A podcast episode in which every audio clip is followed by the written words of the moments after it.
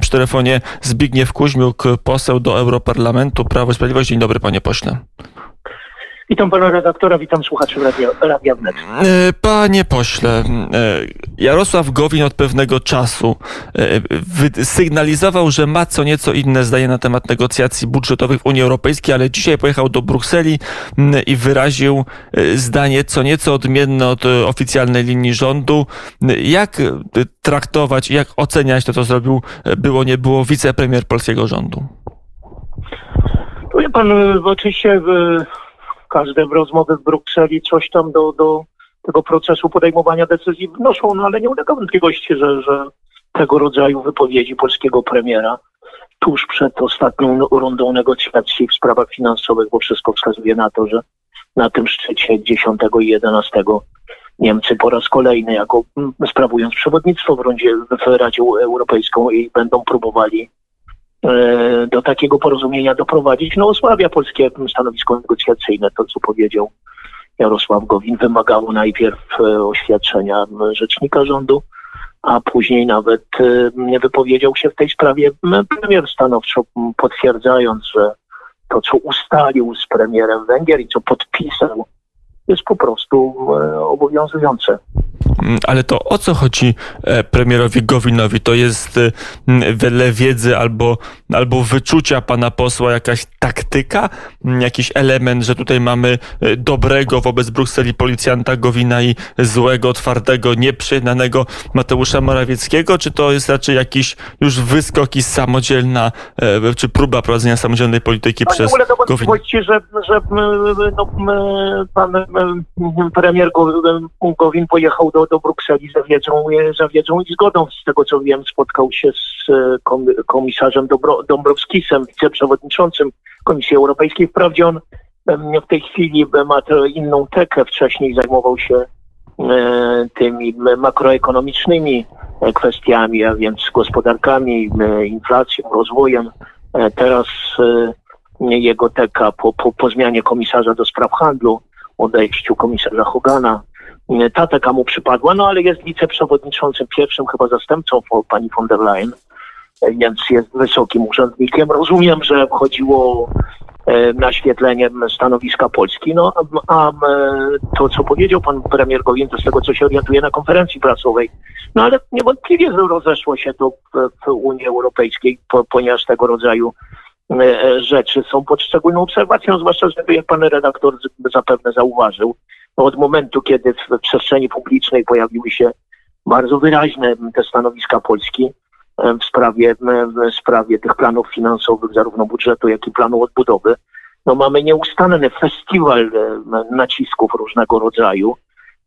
I to są, nie ulega wątpliwości, no, elementy strategii negocjacyjnej. Każdy, kto, kto jest w polityce, doskonale wie, że tego rodzaju wydarzenia są przewidziane, nie są przypadkowe i to jest wywieranie presji na Polskę. Ostatnio ono przybiera rozmiary, bo powiedziałbym nawet szantażu. No te informacje e, pochodzące między innymi chyba z Radia RMF, że ile, ile my to stracimy pieniędzy w sytuacji, kiedy są kompletnie nieprawdziwe, bo są takim elementem szantażu na polskim rządzie za pośrednictwem opinii publicznej. No także polska opozycja dosłownie oszalała choć są tam ludzie, którzy wiedzą, co to jest Unia Europejska, wiedzą, jak powstaje budżet, wiedzą, jak funkcjonuje, jak on funkcjonuje i wiedzą, że to nie jest żadna utrata żadnych pieniędzy, a mimo tego używają tego rodzaju argumentów, więc sprawy wyglądają poważnie. I dobrze, że pan premier Morawiecki by jakby twardo po, powtórzył polskie stanowisko, bo my naprawdę nie mamy nic na sumieniu, panie redaktorze. Nas nazywa się szantażystami, podczas gdy szantażystami w tej chwili od 5 listopada jest większość w Parlamencie Europejskim. Trzeba uczciwie przyznać, czy największe grupy polityczne i komuniści tej praworządności tak szeroko rozumianej chcą.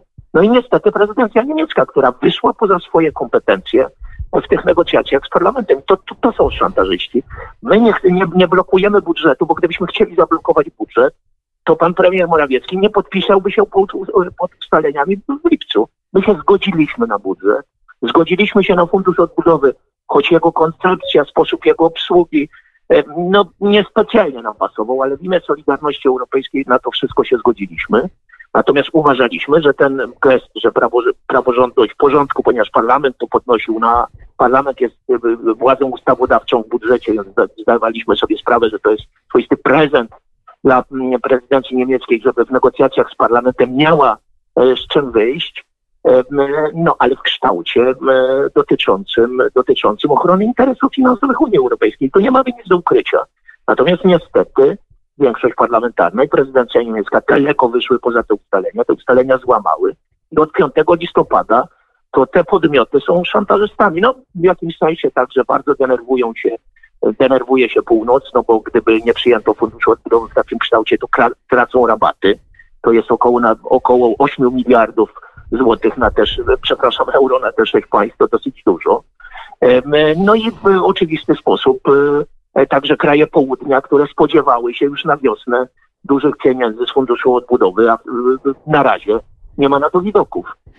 I to są wszyscy przegrani. Wszyscy trochę patrzą na, z jednej strony na Warszawę i Budapeszt, z drugiej strony na e, Brukselę i Berlin i kto będzie silniejszy, kto komu ustąpi. Ta propozycja, żeby jeszcze do niej wrócić, zanim e, przejdziemy do kwestii czysto finansowych, to jeszcze bym się dopytał, na ile to propozycja Jarosława Gowina, że to porozumienie, które, czy to propozycję prezydencji niemieckiej się uzupełni o jakiś protokół, który ma wyjaśniać, jak ma działać mechanizm praworządności, co jest praworządne, a co nie jest, czy y, y, taka forma jakiejś protezy y, by była dla Warszawy, Budapesztu i każdego innego państwa europejskiego bezpieczna?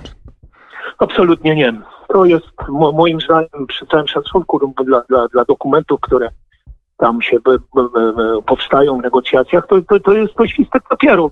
No ja widzę, jaka jest, panie redaktorze, ogromna presja tego lewicowego środowiska na te rozwiązania e, dotyczące szeroko rozumianej ideologii.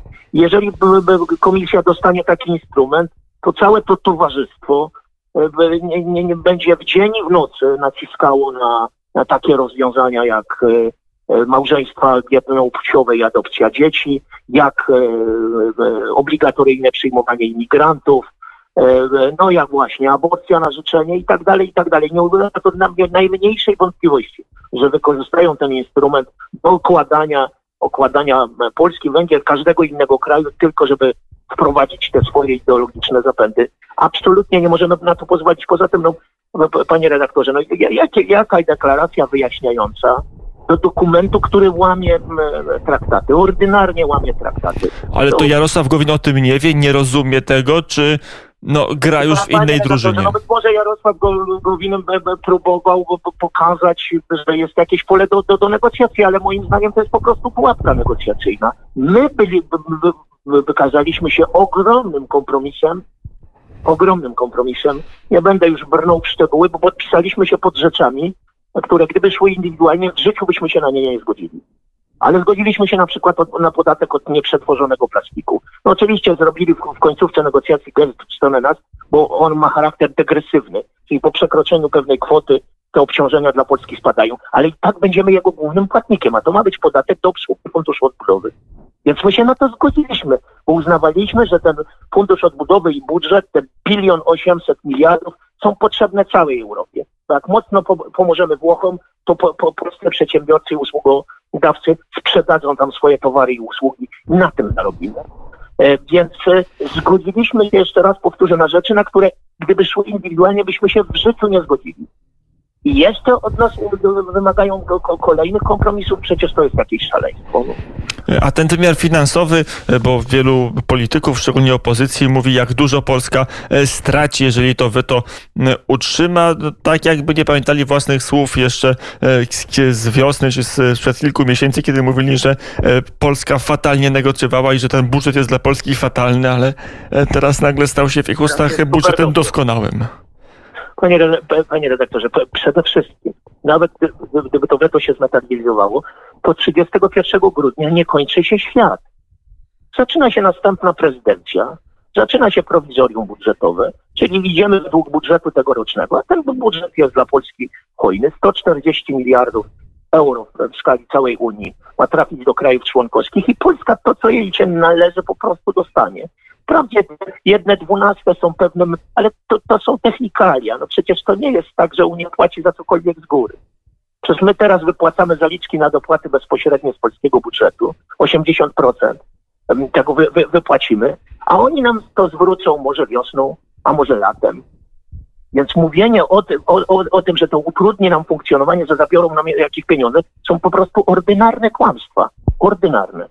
Natomiast jeżeli chodzi o fundusz odbudowy, no to powtórzmy jeszcze raz. Pieniądze ma pożyczać Komisja Europejska. Pożyczać. Więc to będzie pożyczka wisząca na 27 krajach członkowskich. A ten mechanizm, który, którym nam grożą, o którym, o którym kiedyś mówił Viktor Orban w zupełnie innej e, sytuacji negocjacyjnej, czyli że już nie w ramach procedur unijnych, tylko żeby inne państwa bez Polski i Węgier się same e, dogadały, zrzuciły, podzieliły się długiem. Umowa międzyrządowa. Negocjacje na miesiące, jeśli na, nie na lata. Myśli pan, że jak Polska i Węgry pozostaną po tym, po, po, poza tym porozumieniem, to Holandia, nie, Austria, em, Szwecja, em, Dania i, i, i Szwecja ochoczo do tego przystąpią? Czy oni do tego będą musieli dołożyć? Poza tym e, w umowie międzyrządowej będą, zostaną bez rabatów. I doskonale to wiedzą. Szkoda, że nie wie tego polska opozycja i ordynarnie pogarsza naszą pozycję negocjacyjną. No i panie pośle, Takie pieniądze, jak są dla Polskich Funduszu Odbudowy, to emisją przez parę lat obligacji na tych samych warunkach, na których pożycza Komisja Europejska, możemy się swobodnie posłużyć. My mamy przestrzeń do pożyczania, pieniądz w Europie jest tani. Chodzi tylko o to, żeby, o gwarancję, żeby był nadawany. Polska jest wiarygodnym krajem. Nasze dziesięcioletnie obligacje mają najniższą w historii stopę. W tej chwili to jest około 1,3%. Na tych warunkach możemy pożyczać ile chcemy, samodzielnie. Unia nam do tego nie jest potrzebna. Jeżeli ch- chcą wejść na taką ścieżkę, to niech spróbują na nią wejść. mm, powiedział dr Zbigniew Kuźmyk. To jeszcze ostatnie pytanie do pana posła. Mm, e, Jaki będzie e, finał tej, e, tej całej sprawy negocjacyjnej? Czy to jest tak, że my już powinniśmy się szykować na taki wariant, że będzie prowizorium budżetowe i dopiero prezydencja portugalska rozwiąże ten program, czy pro, problem, czy jeszcze jest szansa, żeby to myślę, Niemcy zrobili? Że pan premier Morawiecki powinien coś takiego na początku tych negocjacji powiedzieć, że jesteśmy gotowi do tego, żeby, żeby we własnym zakresie po, po, pożyczać, bo, bo głosowaliśmy za funduszem odbudowy w lipcu w imię Solidarności Europejskiej, ale skoro tej Solidarności nie ma i skoro e, okazało się, że ci, którzy negocjowali przez pięć dni i nocy, e, okazali się oszustami, no to nie mamy innego wyjścia, jak rzeczywiście pójść prowizorium i zobaczyć, jaka będzie reakcja, reakcja Niemiec. Niemcy mają oczywiście możliwość wycofania się z e, tego rozporządzenia, tyle tylko, że wynegocjowali to z większością parlamentarną. Wtedy parlament powie, że nie przegłosuje budżetu, będzie weto parlamentu. No ale to już nie nasz, nie, nie, nie nasz problem. Wydaje mi się, że z, po- Portugal, z prezydencją portugalską ne- negocjacje mogą być łatwiejsze, bo oni są pod presją. Oni potrzebują tych pieniędzy z funduszu odbudowy jak powietrza, bo sami pożyczać nie mogą. Sami na taką skalę, jaką mają potrzeby, pożyczać nie mogą, bo mają dług przekraczający chyba dla Po- Portugalii w granicach 130-140 PKB. Dla, dla Włoch 200% PKB. Oczywiście Włosi wyemitują obligacje, które kupią Włosi, bo to zamożne społeczeństwo, ale pożyczyć za granicą, no będzie im bardzo trudno. Poza tym tego warunki tego pożyczania no są ba, bardzo niedogodne. My możemy pożyczać na 1-1,5%. Komisja Europejska do tego nam nie, nie jest potrzebna. Mm, Powiedział dr Zbigniew Kuźmyk, ekonomista i poseł do Europarlamentu Prawo i Sprawiedliwość. Dziękuję bardzo za rozmowę, panie pośle. Dziękuję bardzo, serdecznie pozdrawiam. Również pozdrawiamy i do usłyszenia.